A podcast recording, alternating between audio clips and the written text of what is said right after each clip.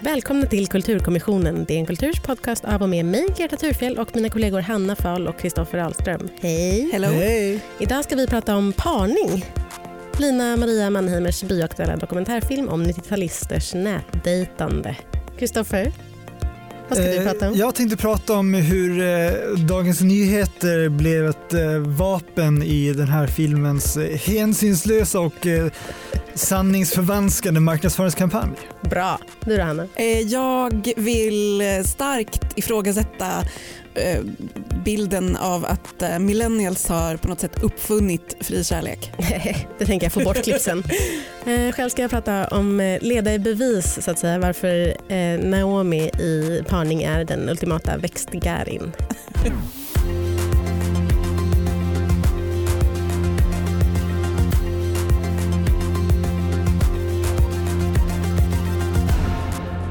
De två 90-talisterna Edvin och Naomi har under ett års tid delat med sig av alla sina sociala medier inklusive Tinder till dokumentärfilmaren Lina Maria Mannheimer.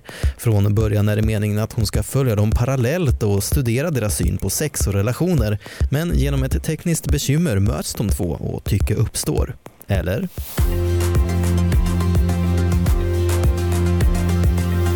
Jag har en fråga till er, Hanna och Kristoffer.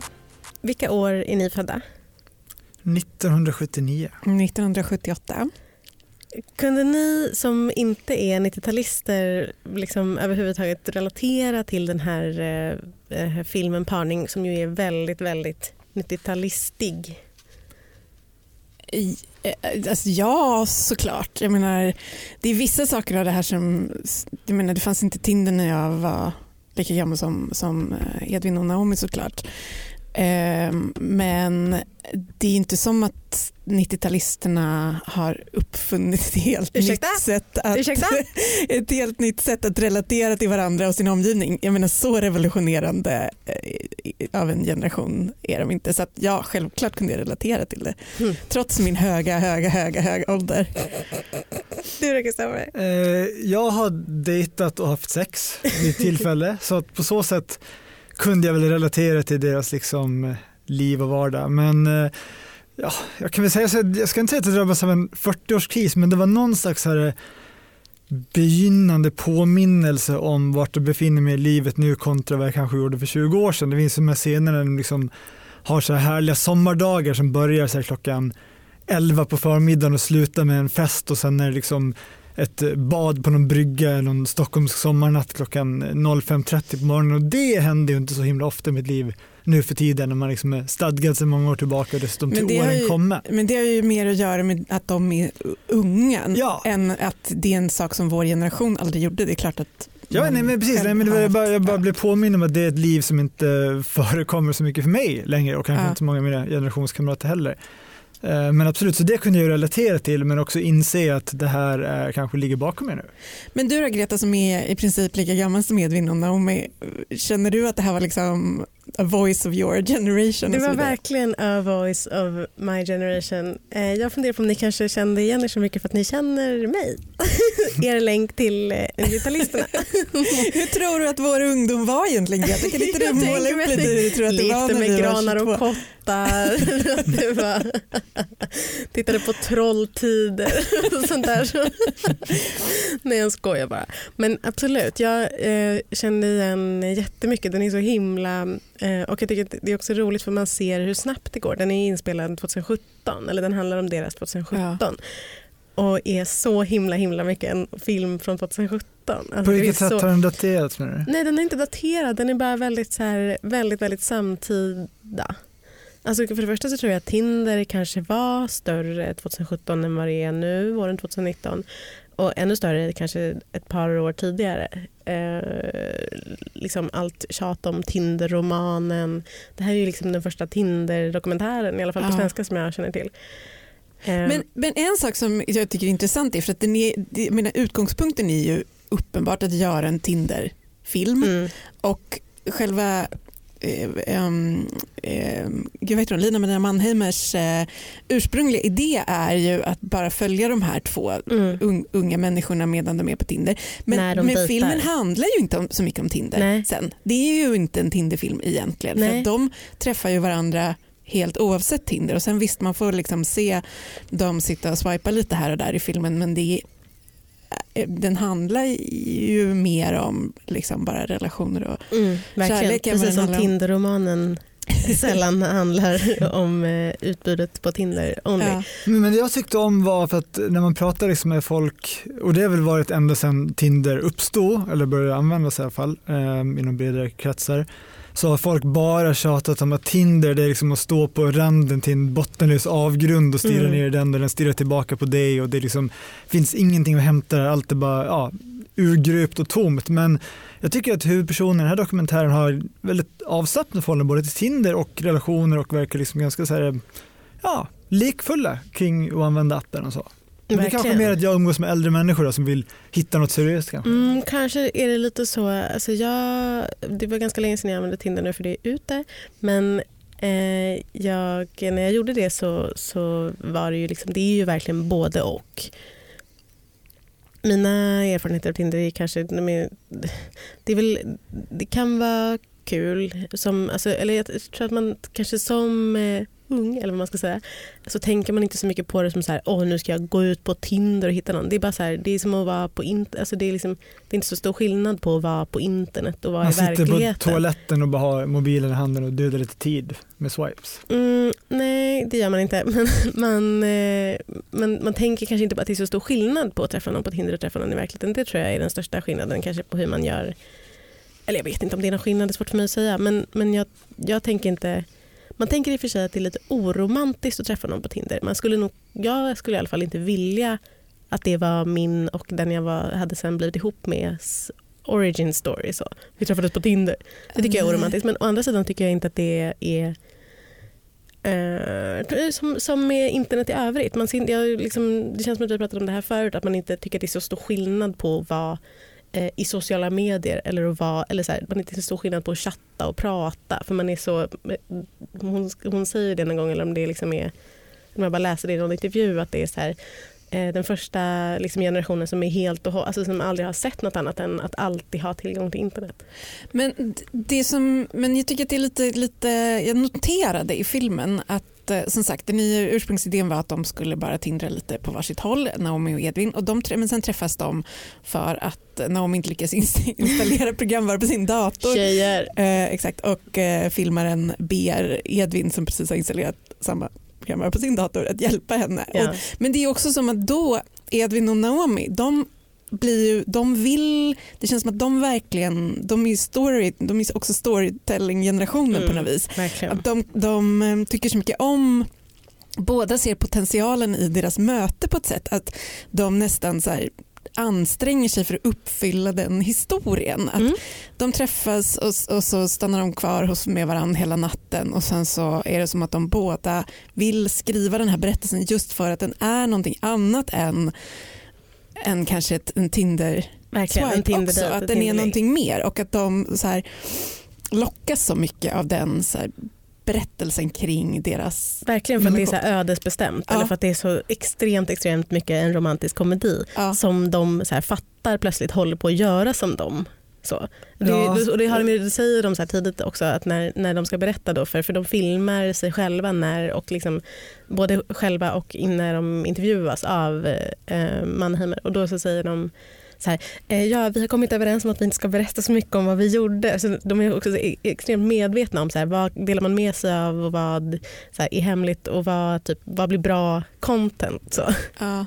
Jo, men det, är, Hur det mycket finns bra ju content någonting kan i jag att dela? filmen är gjord, att de, filmar, de själva liksom filmar sig, alltså det är ju någon sorts selfie-view på, Mm, mm. på, som inte bara är liksom att de själva väl- väljer kameravinkel utan de väljer också dokumentärvinkel på ett väldigt tydligt sätt. Att de, så här, de har ju naturligtvis inte klippt filmen själva och, och Mannheimer har ju såklart klippt fram den här historien och regisserat dem på jättemånga sätt men, men de tar också på något sätt makten över berättelsen genom att bestämma sig för att de ska ha en, ska vi ha en någon form av relation. Verkligen. Ja, det finns ju både, jag tänker, det finns ju en visuell medvetenhet också i hur de väljer att framställa sig. Det finns några scener de precis har börjat dejta och, och eh, hemma hos honom i Amsterdam och de liksom ställer upp kameran så att det blir så här jättesnyggt foto när de står och, och kysser varandra med Amsterdam skyline i bakgrunden. Ja. Det ser liksom verkligen ut som så en bioaffisch typ.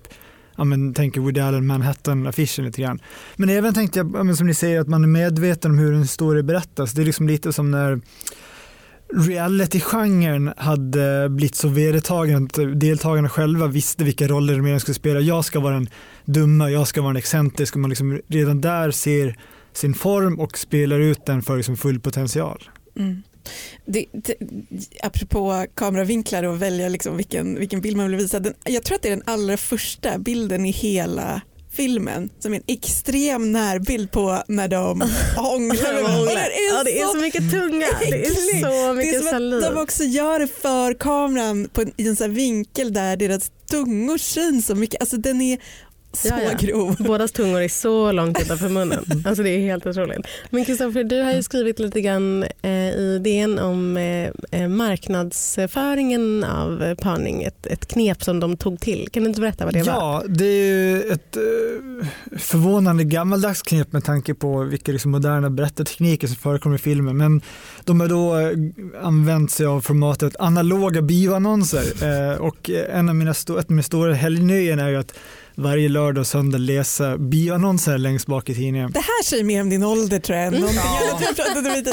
Det här har alltid Ja, varit liksom... Rätt in i en helt annan målgrupp Ja, men än den som... Ja, men även när jag var yngre än vad personen i den här filmen var så gjorde det här. För det var liksom, när man växte upp i en småstad så var liksom biofilmer den enda nyhet man hade sett fram emot. Så det var Mm. verkligen så att lusläsa vilka tidningar. Ja, det var landsortsförakt av mig bara. Ja, ja exakt. exakt. Nej, men man räknar plus i bioannonsen. Skitsamma. Eh, det som slår mig med den här annonsen var liksom att det förekom då såklart olika citat ur recensioner i tidningar och i DNs recension så eh, Wanda Bendjul eh, uttalar sig då eh, på ett sätt, hon skriver liksom att man får eh, träningsverk i, i skrattmusklerna. Två utropstecken, vilket är jättemärkligt för att det känns inte så DN-aktigt att liksom använda två utropstecken i, i slutet av mening. Eh, och jag gick då in lite på så här, man kan använda ett utropstecken om man liksom verkligen är exalterad eller tre utropstecken för att liksom visa att man är ironisk kring någonting. Men två utropstecken, det händer aldrig.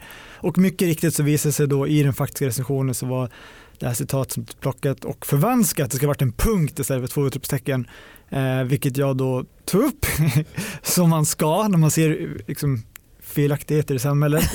Eh, fick sen ett svar från distributören att säga ja, vi ska givetvis ändra det här, vi har, det har blivit något korrfel och eh, vi kommer ta bort det i framtida annonser. Men längst ner förekommer också ett mycket märkligt citat från en person som Erik Homman står det, man får aldrig en förklaring till vem det är och citatet är tusen gånger bättre än A Star Is Born, vilket ju är en dramafilm om en rockare på dekis, vilket är, vilket är jättekonstigt att se att man liksom gör den eh, jämförelsen. Men, Men, det är väl för att båda är såna gråtiga, kom eller liksom, gråtiga komedier, sån romantisk mysig stämning. Att man ska Ja. vara så här, "Åh", man ska gå därifrån och vara så här, "Åh, åh." Fast det, Star Born var, var otroligt mörkt slut. Man kände snarare så här, herregud vad, vad deppigt. Men jag tänkte inte så mycket mer på det här. Erik Homman, vem är det? Jag vet inte, jag googlade, fick inte en enda sökträff. Stackars Erik Homman. ja, och för det jobbiga för Erik Homman är att han egentligen heter Erik Holman. Det visade sig nämligen att SVTs Kulturnyheterna gick vidare med det här synnerligen angelägna grävet. Bra Kristoffer. Ja, och det är även så exakt grävreporter. det är exakt sånt här som våra skattepengar ska gå till i public service-skatten. Så vad de tog reda på var då att personen i fråga heter Erik Holman och är en youtuber och influencer och då säger ni Erik Holman who? För ni har ju ingen aning. Och det visar att det är inte så konstigt att ni inte har en aning för att den här personen har fem följare på Youtube, ett uppladdat klipp och det är då den här recensionen. Så när SVT Det var Kulturnyheter det konstigaste jag hört. Ja, och Nej. när då Kulturnyheterna ställer eh, ja, personen på filmdistributionsförlaget, företaget, eh, mot väggen så svarar hon ja nej men det är som en influencer som är helt rätt i vår målgrupp och då undrar jag vilken målgrupp är det där, där influencern har fem följare och ett uppladdat klipp? Men det, kanske är kvalitet före Ja, kvantitet. Sannerligen. Men det är inte att han är stor på typ, vad fan heter Musical.ly nu när det Ah, inte heter Musical.ly? TikTok. Eller TikTok precis, eller någon så här, eh, han kanske är stor i någon kanal som du och jag är för gamla för att förstå Kristoffer. Ja, han, han har gått vidare från YouTube. Han la upp ett klipp och sen drog han. Ja. Jag hoppas att de i framtiden ska citera eh, ur den här podden kanske något Erik Homman Who. När han säger vad han vill göra så låter det inte som att han aldrig har haft sex. Och så kryper jag ju ner så jag är på mina fyra. Kan du säga någonting till någonting jag har skrivit? Jag säger att jag inte har en crush. Vad har du? Mm. Det här är ett eh, ljudklipp från eh, trailern till eh, Parning där man får höra lite grann av deras personer kan man väl säga. Eh, jag skulle vilja fråga hur eh, gillar man Edvin och Naomi? Alltså inte till en början, då, då var jag så här, herregud hur länge till ska jag behöva stå ut med de här människorna?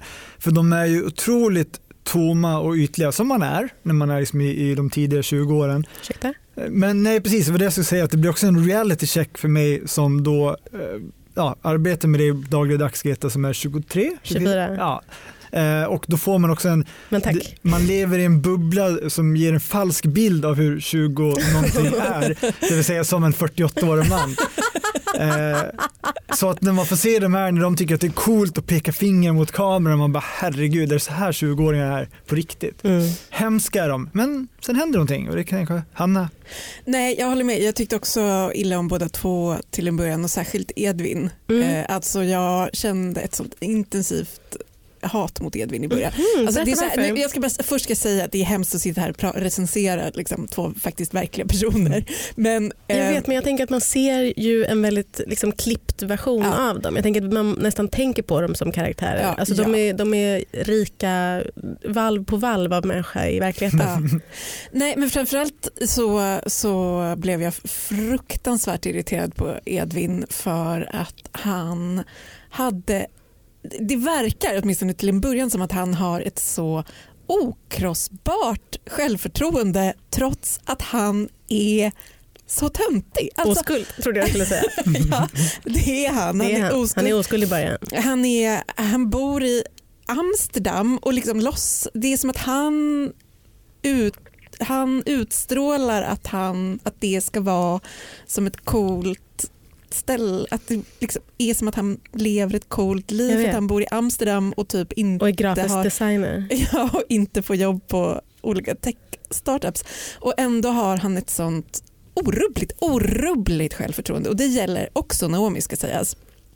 Eh, Hon är också hon har någonting, hon har liksom tror på sig själv på ett sätt som jag, som jag det, det kan jag känna kanske möjligen är en så här generationsgrej, att det känns så otroligt främmande för mig. Och kanske för första gången, för jag har alltid liksom avfärdat allt detta med att millennials ska vara så jävla Mm. liksom, men, och självuppfyllda och, eh, och så vidare som bara bull. Men det här var första gången jag tänkte så här, men det kanske ändå stämmer för båda de här människorna är outhärdliga i sin, sin liksom, tro på sig själva. Men Jag tycker att de är så här roliga för man, liksom, man får ju veta så himla mycket om dem. De är ju extremt ärliga och ändå så är de ju jättemycket så här, man får veta så mycket stereotypa saker om dem också. Alltså det finns så mycket saker med honom som är så här, man bara, men självklart. Framförallt med henne som ju är så här, en personlighetstyp eller en, en eh, tjejtyp som man känner igen så himla himla väl. Hon har liksom alla markörer för den tjejtypen. Så här. Eh, runda glasögon, eh, hon, hon är så här en växtgäri. Eh, Alltså, går är hon in, visst är det en sekvens där hon är inne Ja, på sajten ja, ja. dejtinggäris och icke-binäris? Facebookgruppen och, eller och icke-binaris. Det Det- är helt otroligt. Det är otroligt on-brand för henne. Ja. Men det är så många sådana saker. Det finns en jätterolig scen där hon, eller jätterolig, den är ganska sorglig för det är precis när de har typ gjort slut en gång eller precis efter den där scenen där hon säger så här, jag, är typ, jag skulle kunna bli kär i dig och han bara okej, okay, freak. Eh, och så sitter hon och säger, pratar med kameran och så säger hon så här Eh, typ att hon bara, ja, så här, vem är han att få mig att känna så? så här, för, att hon, för att hon är en sån eh, jazz girl, eh, empowered tjej. Och så är det så kul för det står så här, det så, eh, precis i, bakom henne i bokhyllan så står maken. det är så himla himla Åh, hon himla har fått sitt uppvaknande. Otroligt typ, Ja. så många sådana grejer. Som är, Ja. Hon står och gör en, en spenatsmoothie. Hon är, så här, är på trädgården och dansar med sina tjejer. Alltså, hon är så himla så här, Ja. Eh, vanlig eh, fräsch tjej i Stockholm. Pommes flora-tjej. Eh, som man ju ser en miljard av dagarna i ända om man är en annan tjej i Stockholms innerstad. En annan E- Pommes flora-tjej. Emo Pommes flora. eh, så det eh, är kul att de är såna tydliga, tydliga typer. Men sen så är det ju också som att man, deras eh, ens bild av dem skiftar så himla Ja. mycket i Ja, takt med deras absolut. relation skiftar. Inte Ja. bara det utan även att eh, vi får se dem växa upp och bli människor. Nej, men Jag tänker framförallt Edvin går ju från att vara liksom en, en spinkig försynt typ till att få liksom helt plötsligt ha neonfärgat hår och liksom konstiga glasögon. och, Ja, eh, en kara kara på att säga. Och Han börjar träna kickboxing och det är liksom han börjar träna så mycket. Ja. Men vet du vad jag tror att det är? För att sen när man kollar på hans nyårslöfte, i slutet av filmen så får man se deras nyårslöften. Jag vill bara säga först att det är väldigt roligt och också typiskt för eh, den här sortens tjej, om man får vara så fräck.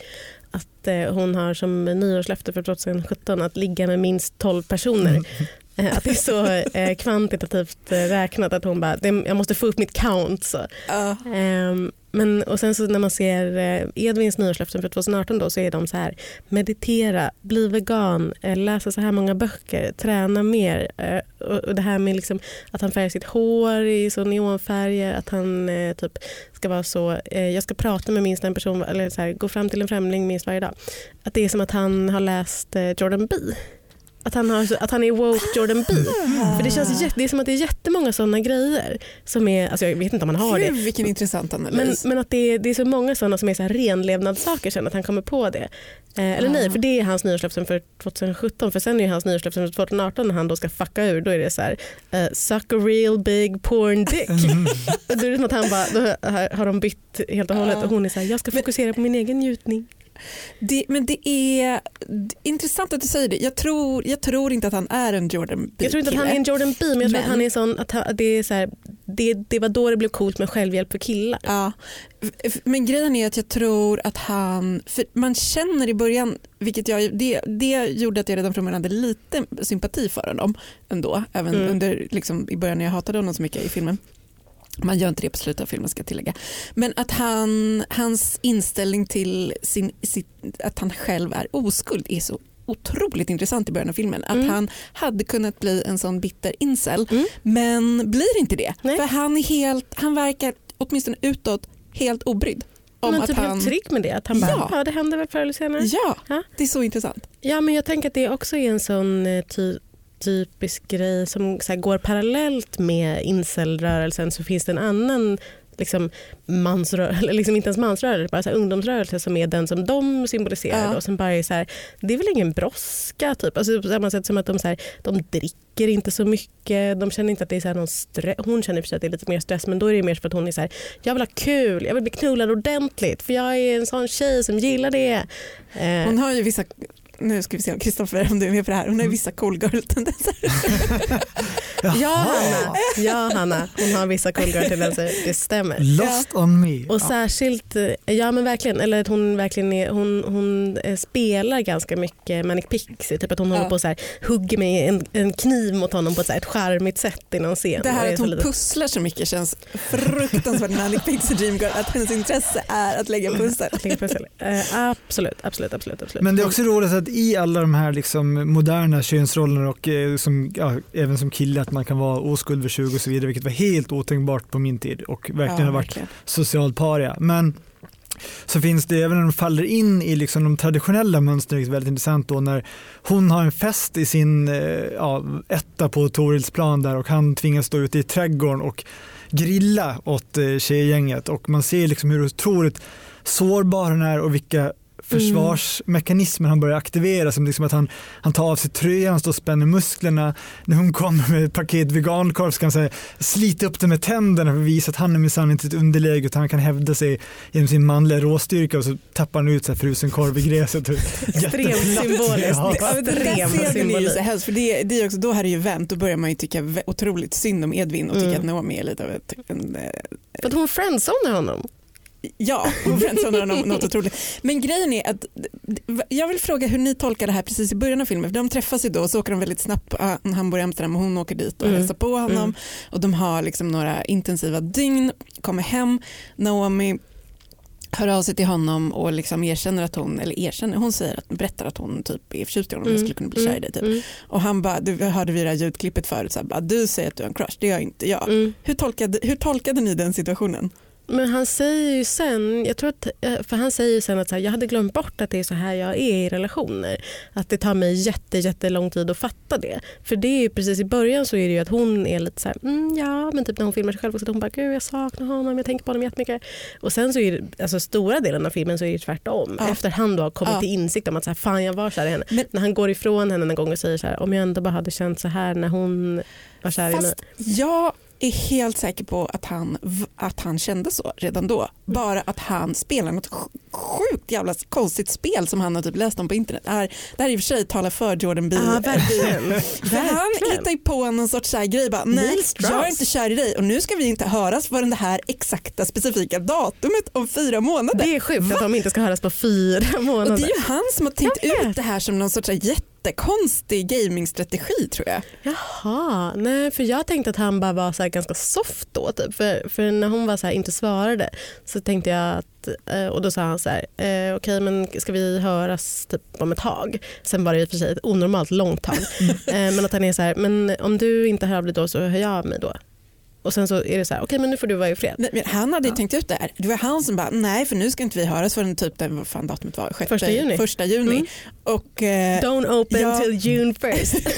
jag tolkade det här som att han gjorde någon sorts extremversion av det här, så här eh, ring, jag ska inte ringa först. Ah. Och satt, satt, spelade liksom allt på det kortet. Bara, hon kommer bli så mycket mer intresserad om jag gör det här och bara hå- håller mig på mattan fram tills dess. Eh, att Gud, han så liksom gamblade på det och det det så funkade fel. så absolut inte. Och att det också är så intressant att, det, ehm, att den strategin tror jag är helt utdaterad nu. Jag tror inte att man går på den längre, precis som hon inte heller gör. Hon bara, okej, är lite ledsen och bara okej, men Mm. Skitsamma, jag vadå, jag träffade menar en kille som heter Mikko. ja, då börjar jag träffa någon som gillar mig istället. Men menar du att ghosting och orbiting alltså är förlegade strategier?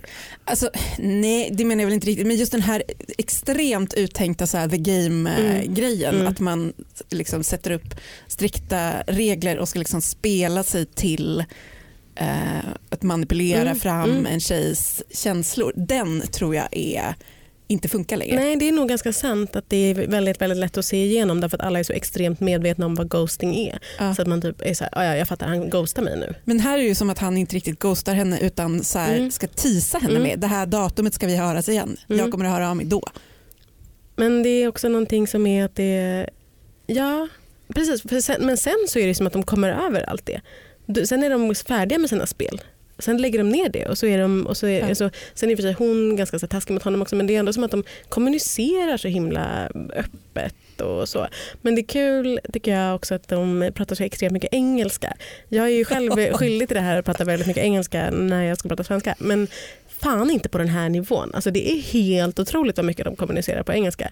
Och han ska väl göra det för att han, så här är, han, är, liksom, han är i Amsterdam. Han tycker, att han, han tycker att han är så en, verkligen en internationell kille. Men det är verkligen plågsamt att lyssna på hur mycket engelska de pratar. Men är det inte bara att anglicismer har liksom blivit mycket mer förekommande i vardagligt svenskt språk nu Nej på men det är liksom flera den scener när de pratar, när de har en konversation på engelska med Ja, nej, men det där märker jag med mina kusinbarn som är ja, men i den åldern. Mm. Det är liksom verkligen, men jag tänker bara att det är i all den kultur man konsumerar som är liksom, framförallt då liksom memes och internet. Och, Mm. Men verkligen, nej, men jag är ju själv skyldig till och det. att det är liksom en, kalla det kulturell hjärntvättning var, men liksom, att det är det det grundar i. De- De där, men jag tänker att de hamnade i, liksom, de scenerna är också så, så pinsamma, eh, men de är också att man känner att det är lite jobb, lite pinsam stämning mellan dem, att de typ fastnar i ett så här, någon sorts konstig så här, Mm. töntig jargong som Mm. de inte riktigt kan ta sig ur Mm. utan bara måste fortsätta. Men de var ganska charmiga de scenerna. Men det tycker var mitt eh, närmaste möte med ungdomskulturen var nere i eh, omklädningsrummet på gymmet här på jobbet så var det ett, ett fotbollslag med typ, ja vad kan det varit, de är födda kanske början av 00-talet och hur de alla bara pratade i meme captions. Det var så här, eh, någon typ tar sig tröjan så bara When you see a girl outside the car wash, typ så. så bara, aha, det är så här ungdomar pratar om nu för tiden. Ett poddtips från Podplay. I fallen jag aldrig glömmer djupdyker Hasse Aro i arbetet bakom några av Sveriges mest uppseendeväckande brottsutredningar. Går vi in med hemlig telefonavlyssning och, och då upplever vi att vi får en total förändring av hans beteende. Vad är det som händer nu? Vem är det som läcker? Och så säger han att jag är kriminell, jag har varit kriminell i hela mitt liv men att mörda ett barn, där går min gräns. Nya säsongen av Fallen jag aldrig glömmer på Podplay. Men det kanske är någonting då med så här hur de tänker på sex och, och hur de tänker på så här känslor, hur man ska kommunicera med varandra. Det finns ju en scen som vi också tror jag hörde i det här klippet där de ligger och eh, skypar med varandra och han ritar upp hur han vill ha sex med henne med hjälp av streck streckgubbar. Och att hon säger så i en annan scen att hon är så här, vi ska ha en, den första dagen när vi ses ska vi bara prata om så här, vad tycker jag om, vad tycker du om, vad vill du göra med mig, så här, vad är jag okej med. Typ. De är extremt eh, så här, eh, medvetna på ett jättefint sätt. Alltså, de är så, eh, så här, det, det goda samtycket, vad man ska säga, att det är, så här, det är verkligen det Ja. bästa, bästa sorten. Att de bara är så här, eh, man vill inte göra något som inte är, är soft. Typ. Att hon så här, ger honom lite råd typ, när de bara är kompisar. Så är det som att hon fortfarande är så här, vänta det där, eh, om du ska ligga med tjejer, gör inte så här. Det gillar inga tjejer. Um, så att det, de är väldigt, eh, de är extremt raka med varandra. så.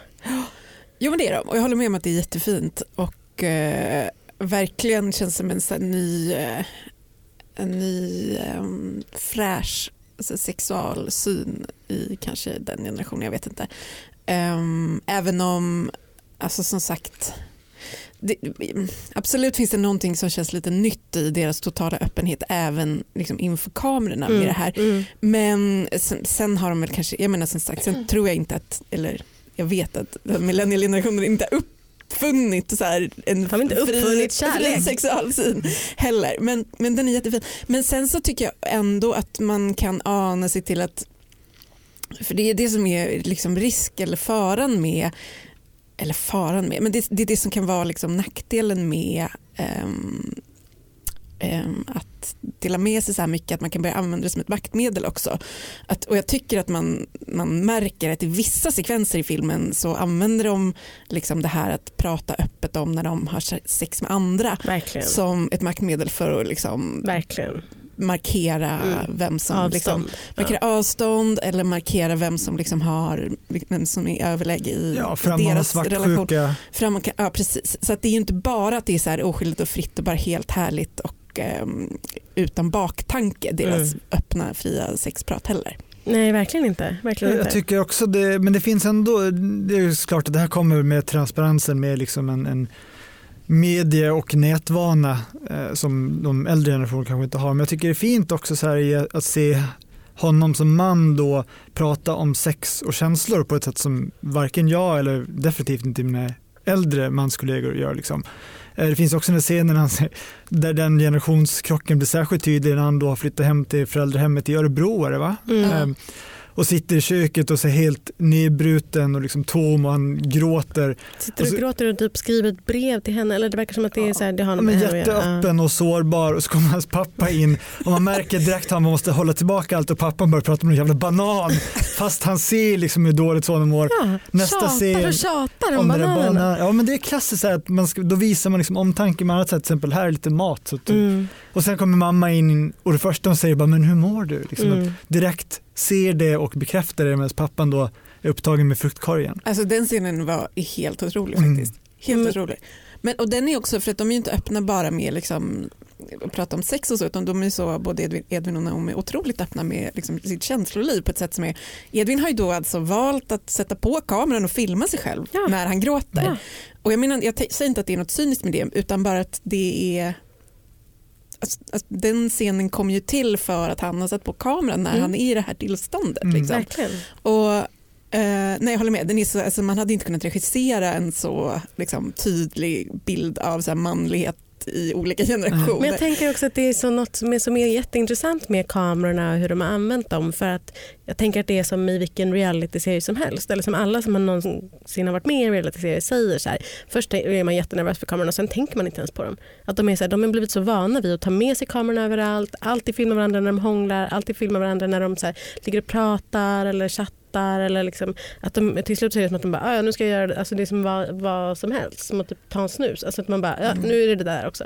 Eller som att de filmar varandra när de, de filmar sig själva när de sover. Det finns ju så många sådana scener också. Som är eh, att de är så, så, så eh, tillvanda och säkert Ja. redan tillvanda sen innan för att de båda är så här, människor som har varit på Ja. Instagram. Typ. Men det är som också som, på vissa sätt är de ju liksom otroligt sen, vad, he- vad säger man, i, i kontakt med sina känslor Mm. och liksom vet vad de vill liksom sexuellt och är oblyga för att prata om det där. Men på andra sätt är de ju också är de ju helt clueless. Som till exempel Edvin är ju, jag får absolut inte intrycket av att han är liksom pushig i sängen på något vis utan snarare tvärtom att han är väldigt så här rak och tydlig och Mm. fin och lyssnar och sådär. Men det är ju det är någon sekvens när han ska överraska Naomi tar sig in i hennes lägenhet och ligger i hennes säng och väntar på henne och hon kommer hem och bara hon blir skitsur, gör det här? Ut! Börjar plocka med jeans typ, att de blir så psykade. Alltså, så på det sättet är han ju liksom totalt omedveten om Mm. andras känslor. Och Det är också som att han i sitt huvud så här, vill regissera den här romantiska komedin och har hittat på den här sekvensen för sig själv. Ja, det är Och verkligen så här att när han kontaktar ens kompisar bara ja, kan vi inte göra en spontant skön grej? Och det märker att de går med på det, bara ge dem nycklarna och släpper in den. För det är väl också efter deras långa uppehåll att han ska så här, dyka upp i Stockholm och överraska henne. Det är så otroligt. Tom bara, Och- du, vi har inte setts på fyra Nej. månader. Du ghostar mig i fyra de gör månader. ju så båda två, att de så här, för visst de är liksom omedvetna om kamerorna på ett sätt eller omedvetna om det men samtidigt är de så otroligt medvetna om berättelsen de spelar upp. Liksom, Verkligen. varandra. Undrar hur pass medvetna de är att de företräder en generation. Jag tänker på hur otroligt globala de är. Att bara, nu är jag i Singapore, men jag kommer och hälsa på dig, nu är jag i Amsterdam. Och det, är liksom, det är inte den här bara, åh jag är från Örebro och jag ska flytta till Stockholm. Utan det är verkligen så här, hela världen som sitt spelfält. Mm. Ja, men det är verkligen sant.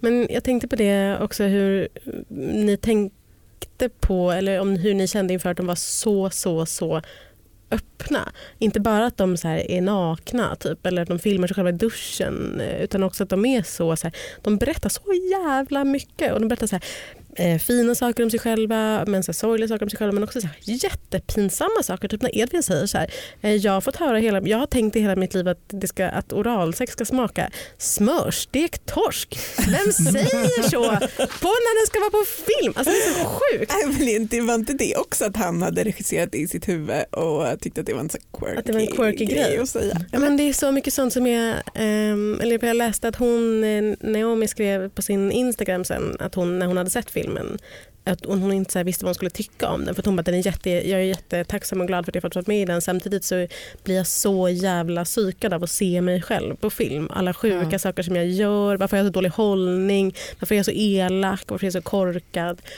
Eh, att man liksom, det, det är som att de är, kanske inte heller tänkte på så här, hur öppna de var. För att de var så, de var så eh, vana vid Nej, men de det är att man vid- precis går in i den bubblan. Men även tänker jag att om man är van med att ja, regissera hur man framställs i selfies etc. Mm. Som du säger så bara oj nu hamnar jag framför kameran och nu ser jag plötsligt att den här snedtanden eller min dåliga hållning och, bara, och då kommer det bli liksom det enda man blir medveten om sen så fort en kamera åker fram. Vad tycker ni att den här eh, filmen säger om eh, kärlek? Jag tycker den säger väldigt mycket på ett bra sätt om så här, eh, tajmingen, när man är redo för en viss relation och inte vart man själv befinner sig i livet. För just som vi har varit inne på att de är båda så lite i missmatchade i vart de befinner sig i livet. Hon är ju tre år äldre än honom också. Mm. Så att det är så här, när hon då har känslor för honom så är han inte där och sen när han väl har fattat att han hade det då har hon gått vidare och sen tror man sig, ja men då kanske det blir så att de möts någon på slutet när de liksom har nått någon eh, gemensam nivå. Men spoiler, det gör de inte och det tycker jag är fint. Att det visar liksom kärleken som den är på riktigt och inte Hollywood-friserad. Ja, jag håller med. Jag tycker nog att det som den säger om kärlek som känns så helt, tyvärr kanske, evigt och tidlöst och bara omöjligt att komma ifrån är någonting om så här maktspelet i, i relationer. Att det är så svårt att uppnå någon sorts eh, jämvikt. Att eh, jag tror aldrig jag har varit i en relation där det inte har känts som att det, det, har, det pendlar ju liksom Mm. upp och ner. Någon har makt en period och någon har makt en annan period. Men båda är ju alltid extremt medvetna om vem det är som har makten i varje given. Och det tragiska är att det är alltid den som känner minst Ja. som har mest Ja, makt. det är så. Och det är så hemskt. Man mår ju så dåligt av det där maktspelet men det verkar så omöjligt att komma undan och inte ens liksom, visst de är jätteprogressiva på jättemånga sätt och liksom öppnar med sina känslor och allt det där men, man, men just den där makt och balansen kan jag, jag kan inte förstå hur man ska komma bort från den. Men det är någonting som är så um, inspirational, förlåt för engelskan, med hur de ändå är så här, vi ska fan inte ge upp. Vi, eh, ja nu känner jag och nu känner jag och mot slutet så fattar man väl också typ att så här, de har ju båda känslor för varandra uppenbarligen men det är väl ganska tydligt väl att Edvin fortfarande har mycket mer känslor än vad hon har. Och hon har någon ny kille som är hemma i Stockholm. Typ. Ehm, Men att hon ändå åker dit och hon liksom kan sluta pussa honom på halsen när de ska eh, skiljas åt och och hon säger så här, jag älskar dig. Det, det är som att de ändå har en de har, de har en grej som de så här, vi är inte riktigt sugna på att ge upp det här. Ehm, Lina Maria Mannheimer sa i någon intervju tror jag att så här, ja, men de är fortfarande jättenära vänner och typ kämpar för att försöka ha en relation men det är inte Ja. så lätt. Men, liksom. alltså, men på, det här, på det sättet så kan jag identifiera mig jättemycket för jag har en sån kompis som är en av mina absolut närmsta vänner Mm. i livet. Mm. Och vi hade en sån så här, när vi träffades när vi var lite över 20. Ehm, när jag var kär i honom först och sen försökte vi typ ha ihop det och sen så sket sig sen var han kär i mig länge. Och sen så, ja, men det, var, det var verkligen en exakt sån där situation som ändå på något sätt mynnade ut i att vi har varit liksom, jätte, jättenära vänner utan några och faktiskt att så här, till slut om man kämpar på liksom, så kommer man till en plats där ingen längre vill vara ihop med den andra eller Mm. ligga med den andra. Eh, och, ehm, så på det sättet, alltså jag kan se hur de, Naomi och, och Edvin kan bli så liksom, en dag. Det har blivit hög tid för er att eh, prassla fram era medhavda meningar, de bästa som ni har läst eller hört eller på något annat sätt har eh, råkat ut för i veckan. Hanna, vill du börja? Ja, eh, jag fortsätter min miniserie om amerikanska demokratiska presidentkandidater. Underbart, känt I- från förra podden. I förra podden så pratade jag ju om Beto O'Rourke. Ursäkta, vad hette han? Beto O'Rourke? Vad hette han?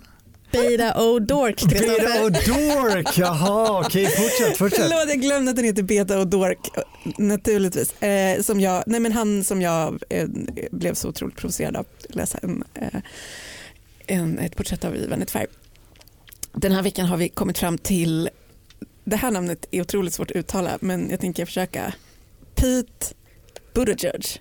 Mm, det är bra, ganska bra tror jag. Eh, Mayor Pete kan man ju säga för, Mayor för enkelhetens som är hans smeknamn. Och, eh, det här är ett citat, nu har jag jag glömt varifrån det var ursprungligen men jag har snott det från en Vulture-artikel som handlar om att Pete har sagt att hans eh, favoritbok är Ulysses av James Joyce. Och då säger han så här, you're in this guy's head. I think that same understanding of the imperative and primacy of lived experience ought to be how our politics works. Ehm, Hmm. men det intressanta här är inte den här lite banala analysen av uh, Ulysses som you're in this guy's head. Han är inte litteraturvetare. Men det intressanta här är att hans favoritbok är Ulysses och det är även Beida O'Dorks Mhm. favoritbok. Beida O'Dork har till och med döpt sin son till Ulysses. Och, Och han har sin döpt sin dotter. dotter till Mm, Molly precis. som Molly Bloom. Otroligt. Vad Det- betyder det, Jag vet inte, vad betyder det? Det är så intressant. Alltså den här Vulture-artikeln som jag här citatet i eh, gör en eh, grundanalys av detta som jag inte tyckte gav mig svaren på varför amerikanska demokrater just nu namndroppar James Joyce. Vad betyder det? För att i Sverige är ju motsvarigheten att alla politiker säger att de läser Astrid Lindgren.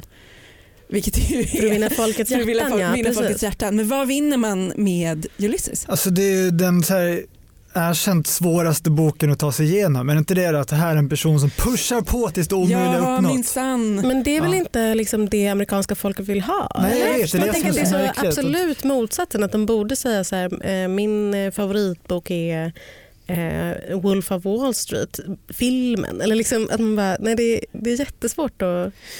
Ja, det är intressant i alla fall. Jag vet inte. Min favoritbok, senaste Avengers-filmen. Typ. Om någon har en analys som den vill eh, tipsa mig om så att jag kan sen skriva en smart krönika om det här så kan den mejla den till mig. hanna.valten.se. Det är Kristoffer. Eh, ja, jag har med mig en eh, tweet och en bild som jag ska försöka då att beskriva i ord. Eh, det är den australiensiska komikern James Colley som eh, han har satt upp på sin mobil att han vill få pushnotiser från eh, BBC Science, alltså BBCs vetenskapliga publikation.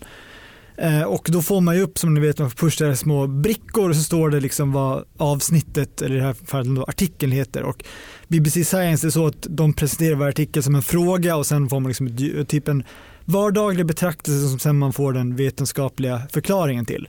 Eh, och det är väldigt roligt när man ser dem samlade på rad som det görs då i bilden som James Colley har lagt upp. Och han skriver om det här att I've accidentally set up push notifications for the BBC Science magazine and it's like being followed by an inquisitive but annoying child. Och sen dyker de här liksom rutorna upp med artiklarna och då står det så här What would happen if there were no moon? Where do sound waves end up? Do plants die of old age? Why do British talk about the weather so much? Man kan verkligen se en jobbig liten unge som går och ställer alla de här frågorna. Rycker i skjortärmen. Mm, verkligen roligt. Vad har du Greta? Ehm, jag har en eh, mening från en essä på lithub.com ehm, som handlar om eh, den väldigt välklädda eh, lönnmördaren Villanelle som spelas av Jodie Comer i underbara Killing Eve som precis har fått en säsong två. Lyssna på det här Kristoffer. Essän heter Serial Killer as Instagram influencer on Killing Eves cool girl assassin. Kastar mig, klickar. Ännu lite obligatorisk eh, ut, Är det kurslitteratur? Livslånga kurs som går ut på att förstå vad en cool girl är. Meningen är i alla fall den här. A female Instagram influencer weaponizes her femininity in a corporate sense. For Villanelle, the act is chillingly literal. Och, eh, det är en eh, jättebra mening. Det är också en jättebra essä eh, som handlar om eh, varför Villanelle inte kan vara en Instagram-influencer eftersom hon är en eh, lejd lönnmördare. Men varför hon kanske skulle vilja vara det. Älskar eh, Villanelle eh, fast hon är, eller för att hon är psykopat. Eh, älskar den underbara tv-serien. Längtar tills jag får se säsong två som precis har kommit första avsnittet på HBO Nordic. Men det är så himla mycket annat att se. Jag fattar inte hur jag ska hinna. Otrolig Alla tv-serier kom på en och samma Mm. gång. Och så var jag tvungen att titta på ett parning också. Det var för sig underbart. Med det så avslutar Kulturkommissionen sitt sammanträde. Vi är ett samarbete mellan Bauer Media och Dagens Nyheter och vi heter Greta Thurfjell, Hanna Fahl och Kristoffer Ahlström. Tekniker var Oliver Bergman. Tack och hej! Hej då! Hej!